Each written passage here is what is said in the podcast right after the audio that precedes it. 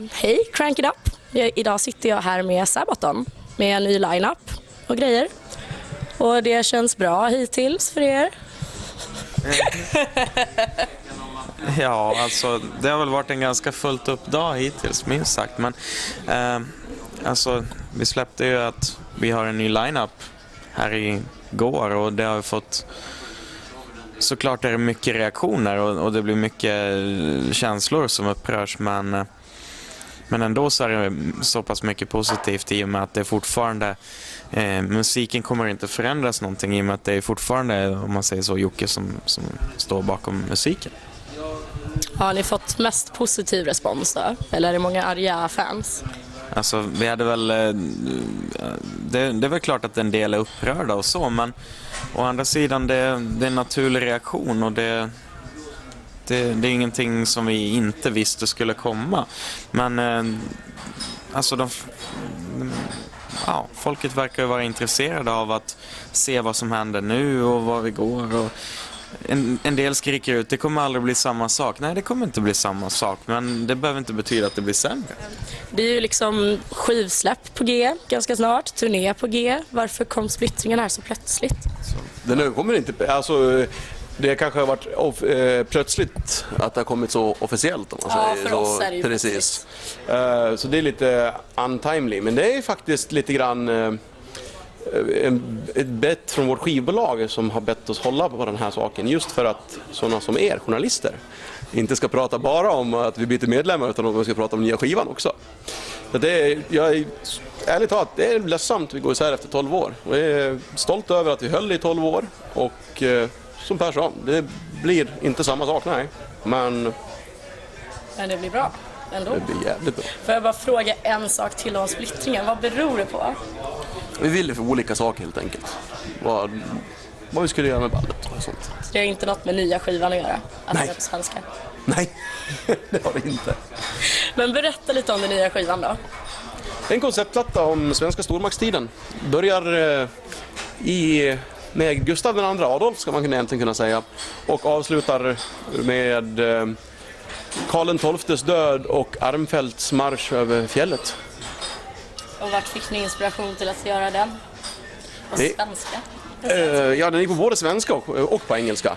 Eh, och alla bra idéer kommer ju med en öl kanske ibland va? Inte alla dock, men en, en hel del bra idéer kommer med en öl.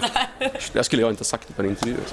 Nej, då, men eh, det var egentligen att eh, man, oj, ska vi göra en på svenska liksom? Man drack en öl. Så, så. Jo, men det, är, det handlar om svenska stormaktstiden, om vi någonsin ska göra det så är det ju nu.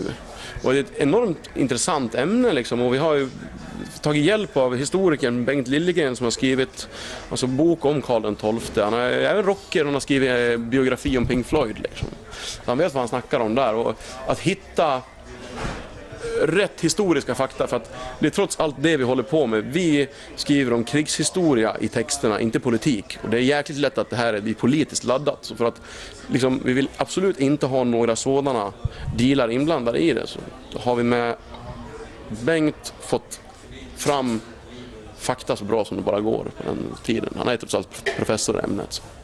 Hur känns det för er då? Det är skitkul att vara med i Sabaton.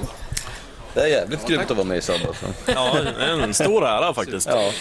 Eh, riktigt kul. Hittills har det bara varit bra för vi har ju inte behövt spela en enda kväll liksom. världens, världens lättaste jobb. Skönt hittills alltså. Eh, Men hur kommer det sig att just ni fick komma med i Sabaton då? Hur valde ni ut de här tre? Alla, glad att säga, alla tre var first hand choices. Och eh, ingen av dem behövde göra en audition. Vi visste redan att musikaliskt var de vad som behövdes och beyond om man säger så. Så att det behövdes ingen audition. Och jäkligt kul att, men en sån här sak skulle ju kunna bli en katastrof och dra ut på tiden och man får ställa in spelningar och göra fans besvikna vilket är ju liksom vore hemskt. Och att de här kunde ställa upp med så kort varsel och verkligen ville, det är bara tummen upp. Perfekt, och det var ju ert så här, ni visste direkt också att ja men det är klart vi ska gå med. Ja, vi sa ju upp oss från jobbet allihop och tog en, en väska och två gitarrer i mitt fall och drog. Det var inte så mycket att fundera på egentligen. Ja, bara frågan var när man skulle infinna sig i Falun, så det var bara att åka. Ser ni fram emot att turnera nu då? Allihopa. Ja, absolut. Det ska bli jäkligt kul.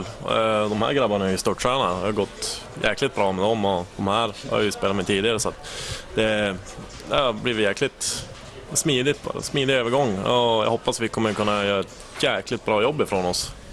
Ja, vi kommer att göra alltså, det absolut bästa vi kan för att... Ja, vi liksom- kommer göra så bra vi kan i alla fall. Ja. Det kan jag lova. Ja, precis. Men fansen kommer bli nöjda liksom. Förhoppningsvis. Mm. Om det, jag är helt övertygad att om man går in och ger det en ärlig chans och inte har bestämt sig för att det här ska suga innan, då kommer man bli nöjd. Det vet jag redan nu. Men ni ska ut ganska snart på turné. Vi åker på söndag. Ja, det, det var Nordamerika som är första, första anhalten. Ja, men vad brukar ni äta på era turnéer då? Vad har ni för favoritmat? Det här är ju lite osexigt att säga det vi kommer att avslöja nu, men vi, vi sedan en stund tillbaka har ju tagit bort massor så här med chips och läsk på riden. Liksom. Och eh, äter, har liksom typ fruktskål och grönsaker istället. För att det här är ju faktiskt någonting man vill göra om 20 år också. Och hinka i sig öl varje kväll och äta chips varje dag.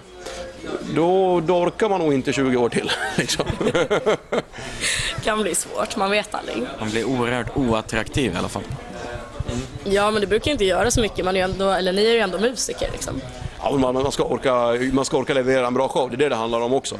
Inte bara vad man kommer undan med, utan det är, man ska fan vara nöjd med sig själv. Jag vill kunna gå ut på scen och det, min kropp ska inte säga nej. Liksom. Så är det bara. Jag ska kunna gå full jävla sten från att jag tar första steget på scen och jag ska inte på grund av undermålig fysik bli andfådd och liksom inte orka leverera det som jag vill.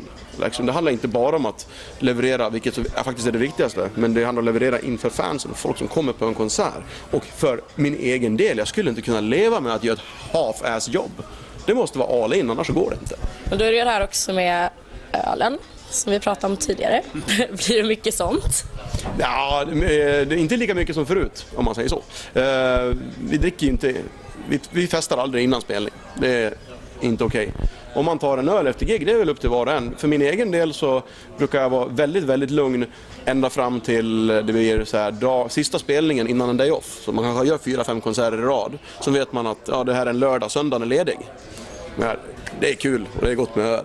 Nog, nog, nog kan man festa till då, absolut. Ja. Bara rösten håller så. Ja, jag brukar undvika vet du, högljudda rockbarer. Det är lite synd för jag gillar högljudda rockbarer. Men om jag går dit och pratar med folk en hel kväll då skriker jag och då knäcker jag paj, paj halsen. Så det är lite tråkigt så. Men det får jag ta på dagen innan day off eller något sånt där. Men det har ju hänt att jag har hittat naken liksom de gamla goda tiden när man var lite yngre och lite, lite fullare på efterfesterna. Att man har krypit naken in på fel hotellbalkong liksom och av misstag trott att jag skulle knacka på hos bandkamrater och sen så har det öppnats. Har det, jag har stått spritt språngande naken och trott att jag var ninja. Och så var det ett ähm, medelålders par som stod där istället. Då skämdes man ju lite duktigt för det var inte då vad de ville se på klockan två på natten. Eller? Ja, jag hoppas det. Alltså. Nej, det, det var inte det. Det var, av deras reaktion att döma så var det inte det de ville se. Har ni något kul att berätta då? Ja, det är väl att vi har skrivit upp alla roliga citat som den här mannen kommer med. ja, men det ska vi tala tyst om för det blir en bok sen. Ja, precis. Nu sa du just för mycket. Ja, ja. Jag måste skriva ner i boken. Ja, precis. Har ni några planer för framtiden då med en ny platta? Med nya line-upen alltså? Kanske? Ja, vi ska, vi ska göra en turné på 160 spelningar först bara. Så att, eh, vi har ett och ett halvt år framför oss att göra det. Bara det liksom? Ja, det är klart vi... vi ja, precis. Det är det som är kul. Ja. Och Hårdrock. eh, efter det så kanske det blir att skriva nytt då. Det blir det definitivt. Musikvideo? på gång. Ja, det kommer. Vi kommer filma den till sommaren av lite olika anledningar. Dels att vi inte har tid att göra det nu och dels att de scener som vi vill ha i den utspelar sig i sommartid. Vilket gör att vi behöver ha helt enkelt sommar för att det ska bli så bra som möjligt. Kan vara smidigt. Och eh, sedan, alltså vi har ju lång, långa planer. Jag menar, vi planerar redan för, alltså såklart nästa studioalbum, även om den här inte ens har släppts än. Och eh, så har det ju varit hela tiden. Man, man siktar långt, man, man bygger upp en långsiktig plan och sen följer man den så gott man kan. Och det, vi, vi vet vad vi ska göra de närmsta åren. Det är en sak som är säker. Syns på turné hoppas jag. Ha det bra! Ha det gött! Crank it out, home of rock!